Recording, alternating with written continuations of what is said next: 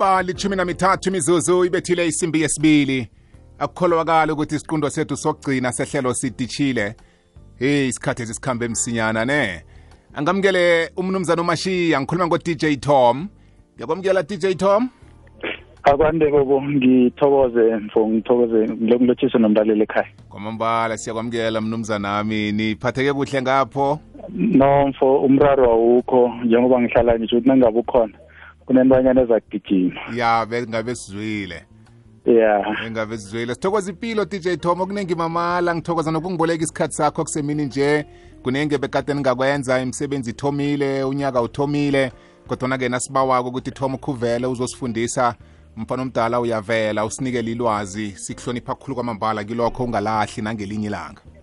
ngithokoze baba kwamambala namhlanje siqale indaba yama-special schools kunomlaleli obawileko wathi yazibobo utom evekeni epheleleko na ukhuluma naye uhlathulule indaba ye-inclusive education begodwa wayihlathulula kamnandi ngayizwisisa eh uthinte ama-special schools begodwa watsho nokuthi ayahluka bengingathaba ukuthi ngathana ngabuya azokwazi ukusihlathulela kuhle kabuthaka kabuthaka sikwazi ukuzwisisa kungakho thom ngikubawile namhlanje bona asibuye ndoda ekhethu sizowahlathulula isikhathi esingesakho ngithokoze bobo david angithi eh nathi nokuhlonipha umlaleli sifeze ne, ne, ne, ne, e, nesibawo sakhe ukukhombisa ukuthi siyabahlonipha ngoba ngibo abanye aba abasikhulisako njengoba besithomile ngeveke pheleko bobodabhiti indaba ye-back to school campaign njengo-d p s a siyihlathululile indaba ye-special school kodwana eh ekufanele sikungezelele ukuthi umntwana ufika njani e-special school njengoba besesishilo ukuthi sinami sinenhlobo sinemihlobo ehlukahlukeneko yama-special school eh sinama-special school alabantwana sibabiza ngokuthi ba-severely intellectually disabled mm. eh kusho ukuthi umntwana akhona emkhumbulweni namkha intellectually eh ukhubazekile kodwana hayi ngendlela leyo namkha ubambela ukuthi abantu laba esibabiza ngama-slow learner njalo njalo yeah sibuye sibe nabantwana laba esibabiza ngokuthi ba-mild intellectually disabled mm. eh bayabamba bamba kodwana ukudlula laba besengikhulume ngabo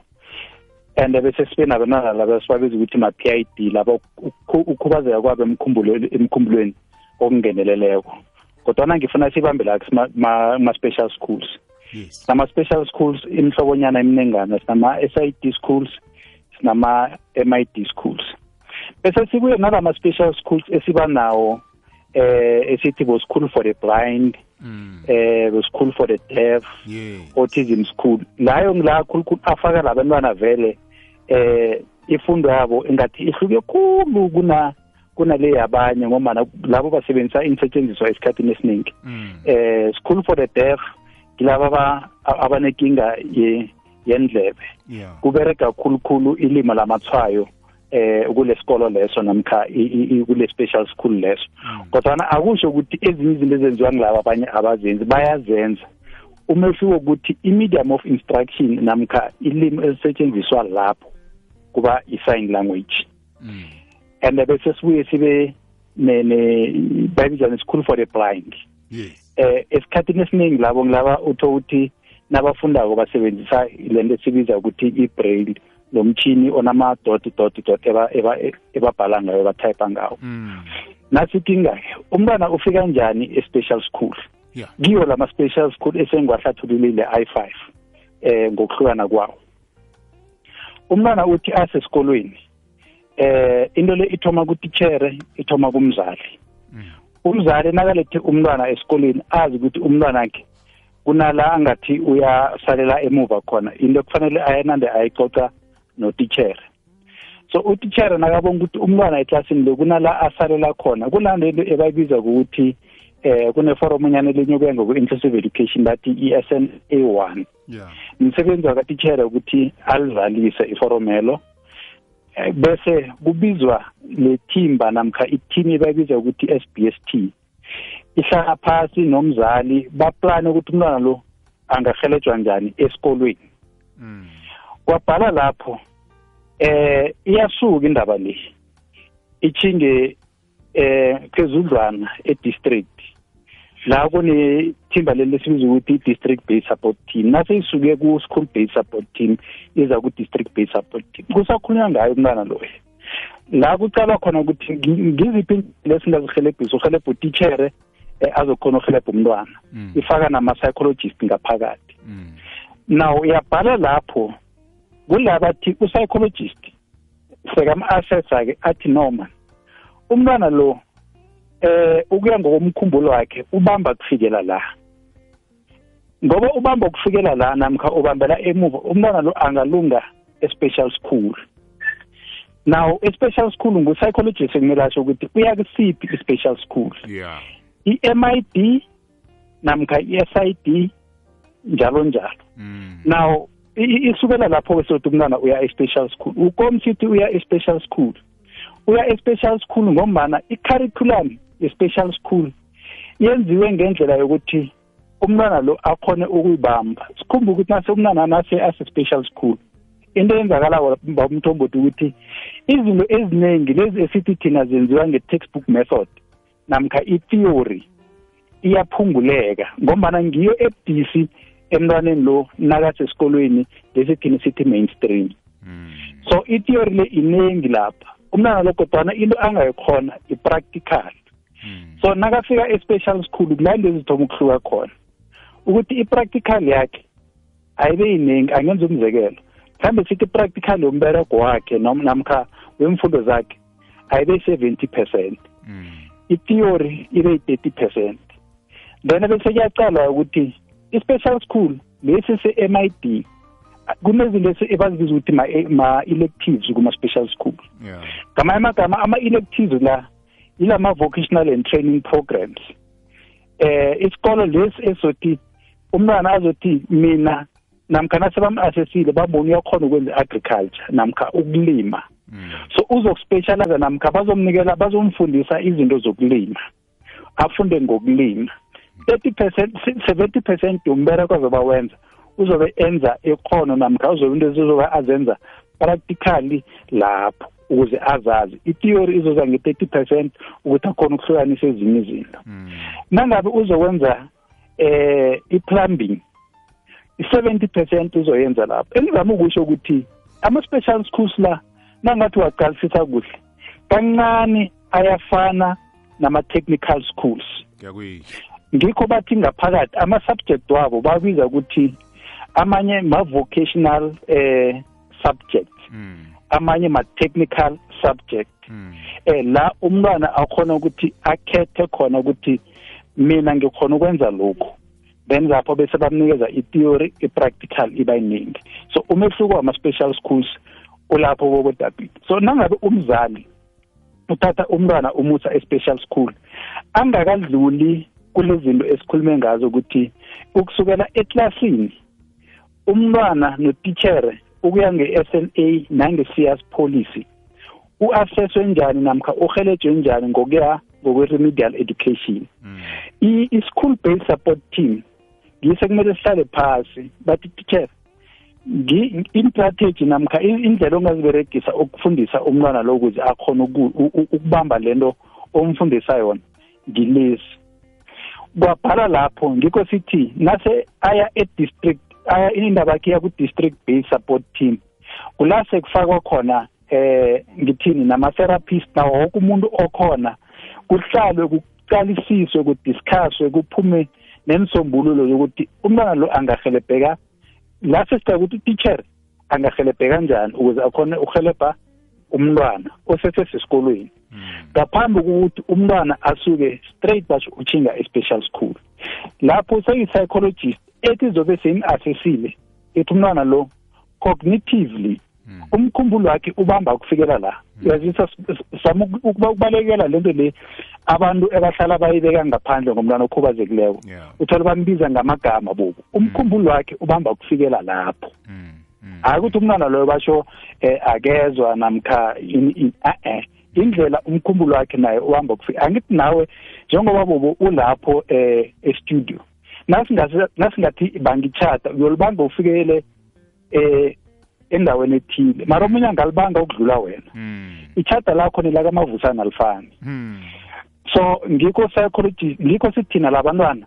eh cognitive babamba ukufikela la hmm. abaningi bakhona nangathi uyabacala ngilaba abakhona ukwenza izinto ngezandla eh umntwana khona umthola nakuthiwa kunama-athletics njengoba kuyisizini yama-athletics yeah. ugijima ukuvila boke abantwana ikhono lakhe naye lilapho mm. so umntwana loyo ngombana kancani ithiyori le uzoyifuna ngikho sithi nangu umntwana lo naziza kwezelimi uyakhona ukuthi eh atshale enzeni enzeni kodwana akakhona ukubala iintshalo lezi kuhle so ngikho la sizokunikeza khona i-math kancane ukuthi akwazi ukubala kodwana okuningi ekumele akwazi nalokhu azokumastara ngilento azoba yenza ngezandla zakhe hmm. khengavakatshela ama-special school ambadlwana bobo eh ngaphathwa angazi ngithi yini ukujabula or ini ukubona abantwana ngendlela ababhetha ngakho namkha ebenza ngakho e, e, e, ebapheka ngayo kesinye isikolo mm. eh udle uzwe ngathi usehotela yeah ngaya ke sinye special school ngathola abantwana ababhizi benza amazipho uyazuza ukuthi umntwana umntwana nangavula i-pedicure or i-manicure angizazi bazibizana yes, kuningi angakwenza umntwana loyo practical into uyazazi mm. i-theory kuyoba ngiyokuthi akhone ukumanenja ihwebo lakhe mm. nangokumntwana ucedileke special school unawo amarhwebo unalo ikhono uzifundile intwezi uphasile uno-eighteen years uyaphezulu hmm. ikinga ukuthi e, e, ekhona generally abantwana baphuma ema-special school bangachubeka baye kuma-tvet colleges abazali bangavilaphi ukuthatha umntwana bomrejistara e-tivet colleges because kancane amakhono banawo mm. kodwa nento vane bayifune ababelethi vane bafune i-matric certificate mm. into njenge-matric certificate sikhumba ukuthi kuma-special schools akuna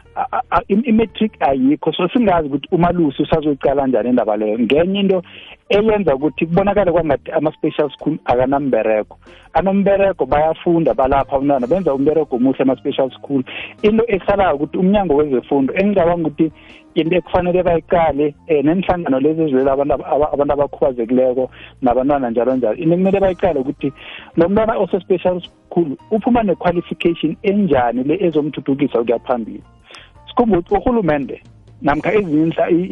iintolo banele nokuthi nasichashako sizoqala le nto esibiza ukuthi i-r p l recognition of prior learning mm. so ngiyo le ekumele bayiqale emntwaneni obuya e-special school ngoba umntwana obuya e-special school eh wenza bedere in terms of i-practicality nasike indaba umntwana obuya ku-sevier intellect ku-s i d school mm. abajengalabo esikhathini esiningi eh ngibo laba abaphekako uthole baya benza izinto ze-hospitality bayathunga eh, manicure njalo njalo mm. then bese laba bakuma-m i d school abanye bakhona benza i-mechanic benza kuma-welding njalo njalo maningi ama-trades ebawenzawo mm. so ndizo izinto ezenzeka kuma-special school mara umntwana awumusi straight e-special school singakadluli kuleya process esibiza ukuthi isiyasi yezwakala dj tom sengibalekelwa sikhathi nje kuphela mhlambe ngingaletha umbuzo ozaba ilandelela yokuthi kuba nokubonakala kwanga ama-special schools la abakude nemphakathi khulukhulu esemakhaya eh imphakathi engemadorobheni nemalokishini kubonakala kwangathi kuba kuba lula kibo ngoba ahlani kwawo ama-special schools la umraro njengalo ubangwa yini kanti mhlawumbe asithi umntwana ukwandebele eh siyambona ukuthi udinga i-special schools uyayithanda i-welding namkha uyayithanda i-electrician eh kodwana-ke i-special school esingamsiza ngalelo khono lelo asikho sise-nelsprat namkha sise-pitori bo-gauteng into ezifana lezo Eh bobo David leyo ngiyacabanga ukuthi mhlawumbe umnyango wezefundo ungakhona ukuthi uziphendulele kodwana engingakusho ukuthi eh vele kumraro ama-special school akasimaningi eh i-system esasebenzayo ngicabanga ukuthi kusesengileya and bayazama ukuthi bawangezelele ngikho into ye-inclusive ithome phasi enkolweni ukuze abazali bazi kodwana na usuka kenye i-province uye kenye i-province hmm. kune-process so umzali nakanomntwana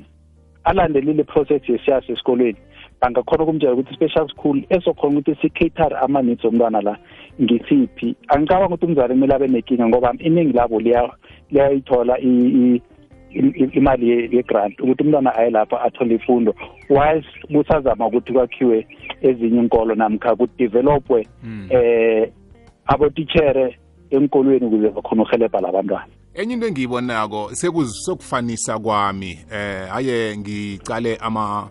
private schools we-mainstream akhona nathi ababelethi abaningi esihabela ukusa abantwana bethu lapho nawucalako ukuthi inkolo lezo zathonywa njani kunabantu kunemindeni ebekade inethoro eyathoma into efana leyo yayibona and then ukusuka lapho-ke nawucala goda ama-special schools nokuthi abe semadrobheni endaweni engathi mhlambe abantu abanethoro abaza khona ukubhadela imfundo lezo nakhona ukhona ukubona ukuthi mhlambe kwaba nehlangano ethileko eyathonywa mphakathi ukuthi ekugcineni bagcine bakhe i-special school ngingazi ukuthi mbono engiwubonako loyo na namkha kwenzakalani thom ngaphambe ngaphandle kokufaka urhulumende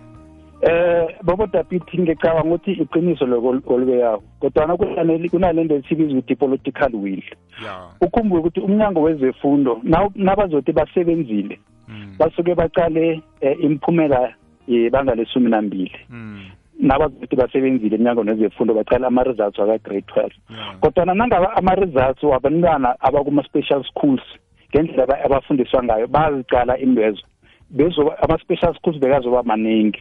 so into le nide ithome lapho ukuthi kwaba ne-qualification e-special school azoba maningi so long as kungana-qualification ephathekako bazolokhu bawa-ignore ama-special school bobodabhidi so ngile kosilungiswe because kula kunamakhono khona ama-special school sokhona uwabona azoba maningi ngombana bazobe sebathole something ukhumba ukuthi nakukhishwa ama-results akukhulunywa ngutitshere bekafundisa ka-grade r eh, ukuthi naye uberegile kukhulunywa ngalo we-matric kuphela hmm. so into ekusenyako ngileyo ukuthi siqale ihlangothi linye le-matric kuphela but nasingawacala woke khulukhulu la la bentwana khona sibafreeze out sibakhipha khona ukuthi nawuthuthukani nitshingeni emazingeni aphezulu hmm. siqale la sikhipha khona imiphumela nalawo ama-special schools nangabe ayaphuma njengalawo e-grade twelve eh bozobo nama special school and okungichaza ukuthi ngendlela abasebenza ngayo bekazoflarisha mhlambe nokudlula la sithi thina eh ngwama mainstream yazokala titshe tom ngizokuba ungibambele njalo ngidlula isayiwumo nangibuyako ngizokubawa inomboro zenu ningu-dpsa yempumalanga ukuthi banithola bunjani ukuba semkhanyweni ukuba nelwazi ikwekwezi yafela ukukhanya thokoze kununuzana nokuthula mthweni kanti-ke sibuya notom asinikele la singabathinta khona bangu-dpsa empumalanga ukufumana loke ilwazi linaba nabileko eh mashiya nginikela-ke bona sinithinta bunjani eh bobo Daphiti ngipha ngothi ngikunikele angisho kubabelethu ukuthi abangasabi ukuya enkolweni eziseduze nema-circuit ngoba ama-circuit nenkolo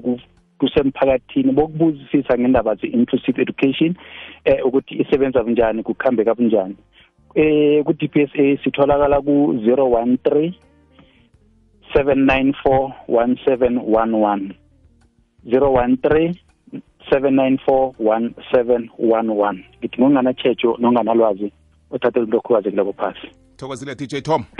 thokoza mina baba ahake hlezi naye bunjalo ngutom mashiya silibeka lala namhlanje ihlelo lethu liza kuwe qobe ngelesibili